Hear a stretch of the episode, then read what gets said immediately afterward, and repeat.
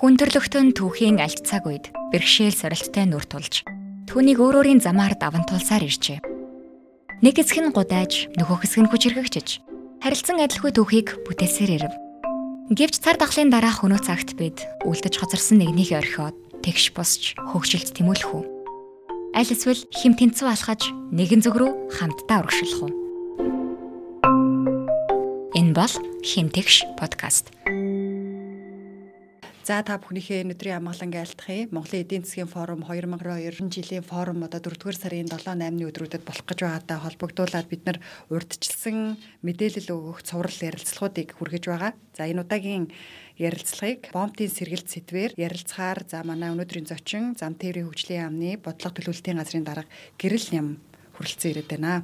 За танд өнөөдрийн мэд хүргэе. За манай улс э, бол одоо далайд гарцгүй орн учраас тээвэр логистикийн асуудал ер нь их анхаарал татдаг. За сая э, сүүлийн хэдэн саруудад бол тээвэр логистик манай улсын худалдаа ер нь манай улсын хөгжилд ямар чухал вэ гэдг нь маш их э, одоо мэдрэгдлээ тийм ээ. Инфляцийн өсөлтөнд ч гэсэн тээвэр логистикийн асуудал хамаарч байгаа. Тэгээд ер нь одоо яг энэ гайлын нэвтрүүлэлт ямар байгаа вэ? Яг үнэхээр одоо ковид зөвхөн ковидоос болж ер нь энэ гайлын нэвтрүүлэлт их муу байсан уу?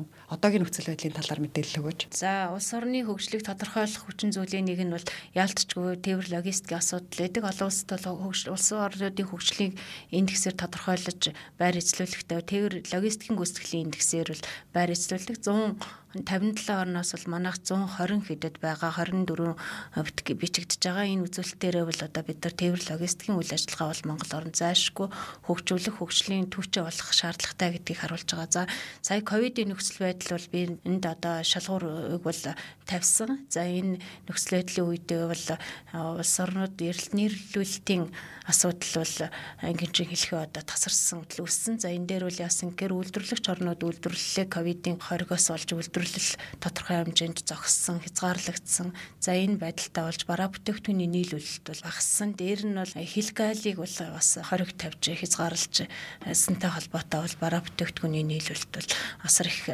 тоглолцсон. За энэ дээр бол одоо томоохон томоохон тоглолтлуудыг хэлэх юм бол Свецийн суваг дээр бол бөгнөрл үүссэн, далайн бөгнөрл үүссэн, далайн тэрвэрлэлтийн бөгнөрл үүссэн. Дээр нь бол тэнцээ хятадын хамгийн том одоо янтен бомбд дээр өнгөрсөн 21 оны 5 дугаар сард янтен бомбд дээр бөөгн ачаа бараа хүлээж авахгүй гэсэн хориг тавигдсантай холбоотой бол асар их хүндрэл учирсан гэх мэт асуудлууд байгаа. За дээр нь бол Монгол улс бол 1993 онд 1991 онд тээврийн олон конвенцийг олон улсын хятад Монголын хоорондоо хилцээрийг байгуулсан байдаг. За энийг бол 2014 онд бол хилцээрээ бол шинчилсэн. За энэ шинчилсэн хилцээрт бол олон улсын далаад гарах нээлттэй хятадын бомбтуудтай бол 7 бомбттай манайх одоо хилцээрт нэгдсэн байгаа. За энэ 7 бомб төр Жинзөө, Цэндоо, Инко, Дандин, Тэнжин гээд долоон бомтыг бол нээлттэйгээр бол дамжин өнгөрөх болон бараа тавар хүлээ авах бараа тавар дамжуулах бараа таварыг хүлээ авах буцаах гэсэн ийм чиглэлээр бол одоо хилцээр батлагдсан энийг бол ашиглах боломжтой байгаа. Энэ боломжтой бомтууд дээр бол бас манай тээвэр логистикийн компаниуд бол бас ач холбогдол өгч энийг ашиглах зөвхөн тэнжиний бомт дээр буюу ирээн манай ирээн замын үдийн бомт дээр ачааллыг үсэх гэсээ илүү бусад бомтууд руу төвлөрсөн тээвэрлэлтийн маршрутыг гаргаж ашиглахыг бол бас ирмэлцэж ажиллах нь бол зүйтэй гэж харагдаж байгаа. Та сая нэлээ олон олон улсын хилцээрүүдийг э, нэрлэлээ штэ. Тэгэхээр би өмнө бас э, далайд гарцгүй орнуудын хөгжиж байгаа хөгжиж байгаа далайд гарцгүй орнуудын судалгааны төв нь яг манай Монголд байдгийн байлээ. Тэгээд далайд гарцгүй орнуудын орнуудаа бас хүндэтгэж энэ олон улсын хилцээрүүдэд давуу талтайгаар уг нь байгуулдаг юм байлээ хилцээрт оруулахдаа. А гэвч одоо яг нөө амьдрал дээр энэ нь яг хэрэгжих нөхцөл байдал нь ямар байдаг вэ? Жишээлбэл одоор дамжин өнгөрөхөд тээврийн нэмэгдэл авахгүй гэдэг ч үл иймэрхүү заалтууд ер нь байдаг юм билээ. Энэ олон улсын хилцээрүүд дээр далайд гарцгүйгийнхаа талуудыг ашиглаж чаддгүй. За манайх бол далайд гарцгүй орныхаа тээвэрлэлтийг ашиглаж өөрийнхөө их далайд явж байгаа тээвэрлэлт хийж байгаа хөлгөнгөцнүүд дээр өөрийнхөө далбайг ашиглуулж бас тодорхой хэмжээнд бол бас ашиг орлоготойгоор бол ажилдаг. За энэ байдлаас гадна бол бид нар далайд гарцгүй орны хувьд бол одоо далай тээвэрлэлтээс ирж байгаа тээвэрлэлтийн бас тодорхой хэмжээний хөнгөлөлт асуудлуудыг шийдвэрлэх. За энэ хүрээнд бол бас хураа бомтыг хөгжүүл хэрэгжүүлэх асуудлын хүрээнд бол нэг эдийн засгийн нэгдсэн орнуудын хүрээнд бол бас хилцээрт нэгдсэн байгаа. За энд нь бол манай дээр дөрвөн бомтыг хура бомтоор зарлахад бол нэгдсэн үндэсний байгууллагын эдийн засаг нийгмийн комиссийн ойр бол баталсан. Энэ жилийн эдийн засгийн форум бол шин сэргэлтийн бодлогын хүрээнд явагдаж байгаа. Тэгээд энэ засгийн газраас зарласан шин сэргэлтийн бодлогот бол бомтын сэргэлт буюу бомтын асуудлуудыг маш чухлаар авч үзэж байгаа нь бас их давуу талтай харагдаж байна л та. Тэгэхээр мэдээж одоо эдийн засаг сэргэхэд бомтууд их чөлөөтэй, бомтуудыг хоорондоо холбогдсон эдийн засгийн эргэлттэй байх нь давуу талтай байх. А энэ шин сэргэлт дэх бомтын сэргэлт гэж юу нь яг ямар бодлого байгаа вэ? За шин сэргэлтийн бодлого бол ялцчгүй манад байгаад байгаа нөхцөл байдал бол бид нар алсын хараа 20 50 гээд урт хугацааны бодлого, засгийн газрын үйл ажиллагааны хөтөлбөр болон үндсэн чиглэлгээ 4 5 жилийн дунд хугацааны хөтөлбөр, жилийн улсын хөгжлийн хөрөнгө оруулалтын хөтөлбөр гээд богино хугацааны хөтөлбөрүүд гээд бодлогын баримтчиг тусгагдсан зорилго зорилттой хангах хүрээнд бол одоо энэ цар тахлын давагдшгүй хүчин зүйлийн нөлөөллөөс буурсан буралтай үзүүлэлтийг одоо тэр өсөлтөнд хүрэх зорилгоор шин сэргэлтийн бодлого бол баталсан. За шин сэргэлтийн бодлого нь бол өсөлтийг хангах, хүртээмжийг бий болгох чиглэлээр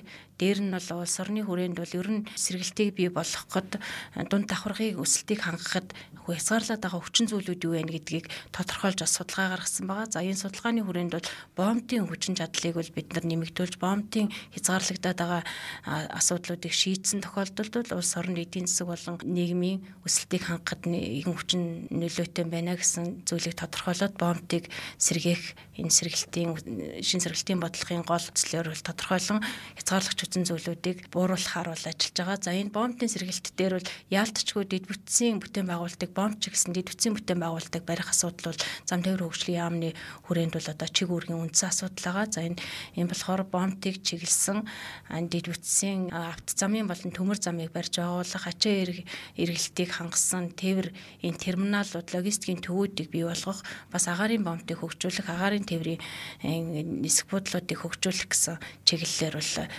зам тээврийн салбар бол үндсэн одоо хүрээндээ бол ажиллаж байна. Аа. Манай улс бол нийтдээ 42 бомбттай юм байна тийм ээ. А 26 нь Оросын холбооны улстай хилдэг, 13 нь бүх наримтах хятад ард улстай холбогддог, 4 нь агаарын бомбт гээд нэг хэсэнд бомбын сэргэлт гэдэг нь эдгээр бомбтуудыг холбож чөлөөтэй урсгах байдлаар цаашдаа бүтээн байгуулалтын ажил хийх тийм байна. Тэгэхээр 2023 онд манай улс 3.5 6 саяын нүүрс тонн нүүрс экспортлоо гэсэн төлөвлөгөө тавьсан. Тэгэхээр энэ ерөнхий энэ том төлөвлөгөө ямар одоо хугацааны дараалтаагаар төлөвлөгөөтэйгээр хийгдэх вэ бүтээн байгуул. Тэгээд ямар ажил хийгдэж ирэх жил магадгүй энэ тоонд гүйцэтгэлд хүрэх вэ? За бид нар бол одоогоор авт замын 5 бомбт бол хэлийн бомбт бол хатуурчлалтай замаар холбогдсон байгаа. За шин сэргэлтийн бодлогын хүрээнд нийт 94 улсын хэмжээнд байгаа 94 төсөл хөтөлбөрөөс зам тээврийн салбарт бол 34 төсөл хөтөлбөр хэрэгжүүлэхээр байгаа. За энэ дээр бол бид нар хэлийн бомбтыг чиглэсэн бүтээн байгуулалт за тэрэндээ бол зүүн чиглэлийн босоо тэнхлэгийн төмөр замын шүлжээг бий болгох асуудлыг бол хэрэгжүүлж дуусгах. За дээр нь бол эдийн засгийн төв коридор болсон Улаанбаатар төмөр замын өртгөх шинжилтийг хийх За дээр нь баруун босоо төмөр замын эхлүүлэх, богдхан төмөр замыг барьж дуусгах гэсэн том том зорилтуудыг тавьсан байгаа. За Улаанбаатар төмөр замын өргөсгөх хэсэг дээр бол одоо хүчин чадлыг нэмэгдүүлснээр тээврийн 40.1 сая тонн хүртэл нэмэгдүүлнэ гэсэн тооцоог бол гаргасан байгаа. За энэ хүрээнд бол бомтын бүтээн байгуулалтын хүрээнд бол нийтдээ 42 сая ажлын байр төр ажлын байр гарахаас гадна 20 орчим сая байнгын ажлын байр бол бий болох ийм эдийн засгийн өсөлтийг хангахад бол бас ажлын байр нэмэгдүүлэх ажилгүйдлийг бууруулахад ихээхэн өөр өгөөжтэй байгаа. Хугацааны хувьд ерөнхийдөө хэдэн жилээр төлөвлөж байгаа гэсэн үг бэ? Бүтээн байгуулалтын ажлуудад. Бүтээн байгуулалтын ажлыг бол 2024 он хүртэл барьж дуусгах бүтээн байгуулалтын ажил дээр нь шин сэргэлтийн бодлого бол урт хугацаанд 10 жилийн хугацаанд хэрэгжих ажлууд гэж байгаа болохоор бид нар бол бомтын сэргэлтийн хүрээнд бол бомтуудаа ирэмблээд тодорхой одоо урт богино хугацаанд ашиглалтанд оруулах замаар бол төсөл хөтөлбөрүүдэд ирэмбэлж байгаа. За бомтын сэргэлтийн ажил болон бомтын асуудал бол зөвхөн одоо авт замын бүтээн байгуулалтаас хамаарат авахгүйгээр олон салбарын салбар дундын асуудлууд байгаа. Жишээ нь галийн нэвтрүүлэлтийн асуудал дээр нь бол одоо бомтын сэргэлт одоо хязгаарлагч хүчин зүйлийг бууруулахад бол хил гайлын нэвтрүүлэлт одоо хүргэлтийг давхар тусгах за нэвтрүүлэх чадварыг бас дэд үтсээ бий болгоцсон байгаа тохиолдолд бас нэвтрүүлэх чадварын хугацааг богиносгох гэх мэт дээр нь бол худалдааныхаа хилцээрүүдийг бий болгох зөөлөн хүчний бодлогууд бол бас маш ихээр хамаархаар байгаа. Гайлын нэвтрүүлэлтэн дээр ачаа тээврээр авч үзэх юм бол хэдийн хугацаа зарцуулаад байт юм бэ? Тэрэнд одоо юу юунаас шалтгаалж тийм хугацаа авч байгаа гэсэн. За гайлын нэвтрүүлэлт дээр ер нь бол одоо яг олон улсынхаа нэвтрүүлэх хилцээрийнхаа хүрээнд бол яг нөгөө дөрөм журмынхаа хүрээнд явж байгаа. За авт зам, авт тээвэр, агаарын тээвэр гэдэг бол одоо хугацаанууд бол харилцан адилгүй байгаа.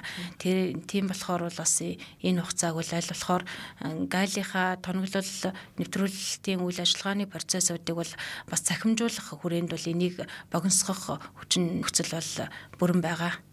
Бараг жилийн өмнө л зүүн баян зүүн баянгийн төмөр зам, гашуун сухатын төмөр зам бараг ашиглалтанд орох гэж байгаа гэж ярьсан. Гэтэ одоо хүртэл төмөр зам яваагүй байна тийм ээ. Энэ ягаад ийм удаа удаад байгаа юм бол энэ хоёр төмөр зам яг ашиглалтанд ороод байгаа яваад эхлэхээр манай экспортод хэд дахин нэмэгдэх вэ? За 3 дахин хүртэл нэмэгдүүлнэ. Бүрэн хүчин чадлаараа бол ашигласан тохиолдолд 3 хүртэл 3 дахин нэмэгдүүлнэ гэж байгаа. За энэ дээр бол гашуун сухатын төмөр зам, гашуун сухат хамтлагаа бол одоо 7 сард ашиглалтанд орно одоо бол тодорхой зүүн баянгийн төмөр замын төслүүд бол техникийн э, туршилтын тээврүүдээ бол хийгээд эхэлсэн байна. За ингээд бол бид нар гашин сухатын төмөр замыг э, дуусгах барь дуусгасны дараа бол холболтын зам гэж том ажлыг бол 2022 онд дуусгахаар дээр нь бол ачаа э, буулгах шилжүүлэн очих терминалыг та хамтуул цогцоор нь одоо 2022 онд бүрэн дуусгах гэсэн амлалттайгаар одоо ажлыг эхлүүлээд явж байгаа. Дээр нь бол одоо олон улсын хүрээнд бол сая түрүүн олон улсын тээврийн эрэлт нийлэлтийн гинжин хэлхий алдагдаад байна гэж яхаа үед бол одоо ямар хугацааны хувьд түр асуусан болохоор бас нэмэгдэлчээ гэж чинь. Энэ хятад Европ хоёрын хоорондох бол 20 ондоо хагас өдрийн буюу 12 цагийн хоцролттой байсан бол 21 э, ондоо бол 2-оос 3 өдрийн хоцрогдолтой болсон. Дараа нь бол э, Шанхай Германы Гамбургер бомбд хүртэл одоо тээвэрлэлтийн бараа нийлүүлэлт бол 7 8 хоногийн хоцролттой байжгаад 21 онд бол 11.4 хоног гэж тийм хоцрогдолтой гарч ирсэн. Инхээр эдийн засгийн энэ эргэлтийг бол боомлж байгаа хүчин зүйлүүд бол олон хамаарах хүчин зүйлээс бол шалтгаалд юм а. Тийм болохоор салбар дундын уялдааг хангах би бол одоо энэ эдийн засгийн хөгжлийн яам байгуулагдсан энэ шин сэргэлтийн бодлого батлагдсан энэ нөхцөл байдал бол ерөөсө бид нарыг сэргэлтийг бий болгох салбар дундын Эдийн уялдааг хангахад бол маш их хүчин чармаалттай өсөлтийг хангах э, нөхцөл бүрдээд байна гэж үзэж байгаа. Тэгэхээр бас зөвхөн манайд ч биш олон улс даяараа л улс улсад л энэ гат хилийн гайлын нэвтрүүлэлт э, нэлээ олон цагаар олон хоногоор өдрөөр хоцроод байгаа юм байна шүү дээ тий. Хоцроод байгаа. Дээр нь бол манай дээр бас хятадын хилийн бомбтын э, хүрээнд бол бид нар бас янз бүрийн шин технологиудыг бас гаргаж ирж ажиллуулж нэвтрүүлж хэрэгжүүлж байгаа. За тэрэн дээр нь юу гэхээр чингэлэг тээврийн терминал дээр нь жолоочгүй автомат AGB технологи гэдэг удирд автомат удирдлагатай тээврийн хэрэгслийг хэлгээрээ нэвтрүүлэх, ногоон бүсийг ногоон коридорыг бий болгох гэх мэт асуудлууд бий болгон хэрэгжүүлж байгаа. За эдгээрийг бол ер нь бол цар тагал гараад эхэлсний дараа бол манайх улаан ногоон гэсэн одоо э, хэлбэрээр бол тээвэрлэлтийг бол одоо яаж хамгаалах вэ, хязгаарлах вэ гэдэг дээр бол маршрутыг өгдөг. Э, бомб болгон дээр өөрийн гэсэн онцлогтон зохирсон маршрутыг аюулгүй зорчих 20 царийн дэглэмийг хангаж зорчих тийм маршрутыг өдөг боловсруулан хэрэгжүүлж нэвтрүүлж байгаа. За хамгийн ойрын хугацаанд хийгдэх бүтээн байгуулалт бол Богдхан төмөр замын бүтээн байгуулалт юм байна. Энэ Богдхан төмөр зам нь Улаанбаатараас аль чиглэлүүлээ? Бас эдийн засагт ямар эргэлт нэмэгдүүлэх вэ? За Богдхан төмөр зам бол төмөр замын төв коридор Улаанбаатараар тойрон гарч хөшгтийн хөндийгээр бол э, дайран өнгөрөх чиглэлийг бол хэлж байгаа Богдхан төмөр зам бол цэснэр бол одоо Азийн авто замын шүлжээний H3 коридор болоос Улаанбаатараар тойрон гарах хэсэгтэр бол хөшгтийн хөндий дээр бол энэ тээврийн төрлүүдийн төвлөрсөн ачаа тээврийн гол терминал логистикийн төвүүд байгуулагдчихлах юм аа. Ер нь энэ шин сэргэлдэх бомбын сэргэлт бодлогын хүрээнд одоо энэ бүтээн байгуулалтын ажлуудад хувийн хөвшил за төрийн бус байгууллага олон нийт ер нь ямар байдлаар оролцох боломжтой вэ? За яалтчгүй засаг төр маань ард иргэдтэй үйлчлж яадаг болохоор ард иргэдийн дуу хоолойг байнга сонсч яадаг. Дээр нь бол тээврийн салбар бол өдөр тутам хүн болгонд одоо эрэлт хэрэгцээг хангаж яадаг. Хүн болгоны үйлчлэгээ хүн болгонд өглөөнөөс эхлээд орой харин хартал нь одоо үйлчлэгээ өгч ирээдэг зам тээврийн салбар бол нийгмийн өргөн хүрээтэй салбар. За тийм учраас иргэдийнхаа дуу хоолойг сонсож сэтгэлд нь нийцсэн аятаа тухтай аюулгүй үйлчилгээ явуулахаас гадна хөрөнгө оруулалтын хувьд бол одоо бүтээн байгуулалтын ажил баггүй их бүтээн байгуулалтын ажлууд байгаа. За дээр нь ялангуяа авт замын болон иргэний агарын тээврийн нисэх буудлуудыг өргөтөх, шинжлэх, дотоодын аюул жуулчлалыг хөгжүүлэх гэд энэ асуудлууд дээр бол хувийн хвшлийн хөрөнгө оруулалтын нээлттэй хөрөнгө оруулалтуудыг бол бид нар одоо хүлээж байгаа. Ийм ч учраас одоо шин сэргэлтийн бодлогын хүрээндээ хийгдэж байгаа энэ эдийн засгийн форумын урдчилсан хилэлцүүлгийн үеэр бол хувийн хвшлүүдийг татах, хувийн хвшлүүдийн хөрөнгө оруулалт зам тээврийнхаа салбарын төслүүдийг үр өгөөжийг олон нийтэд таниулах энэ чиглэлээр бол хамтран ажиллахад нээлттэй байгаа. Ийм учраас хөрөнгө оруулагч нар маань сонирхсон төслүүд дээрээ бас шин сэргэлтийн бодлогын хүрээнд зам тээврийн салбартаагаа хамтран ажиллахад бол төр хувийн хвшил энэ түншлэлийн хүрээнд бол нээлттэй байгаа шүү гэж.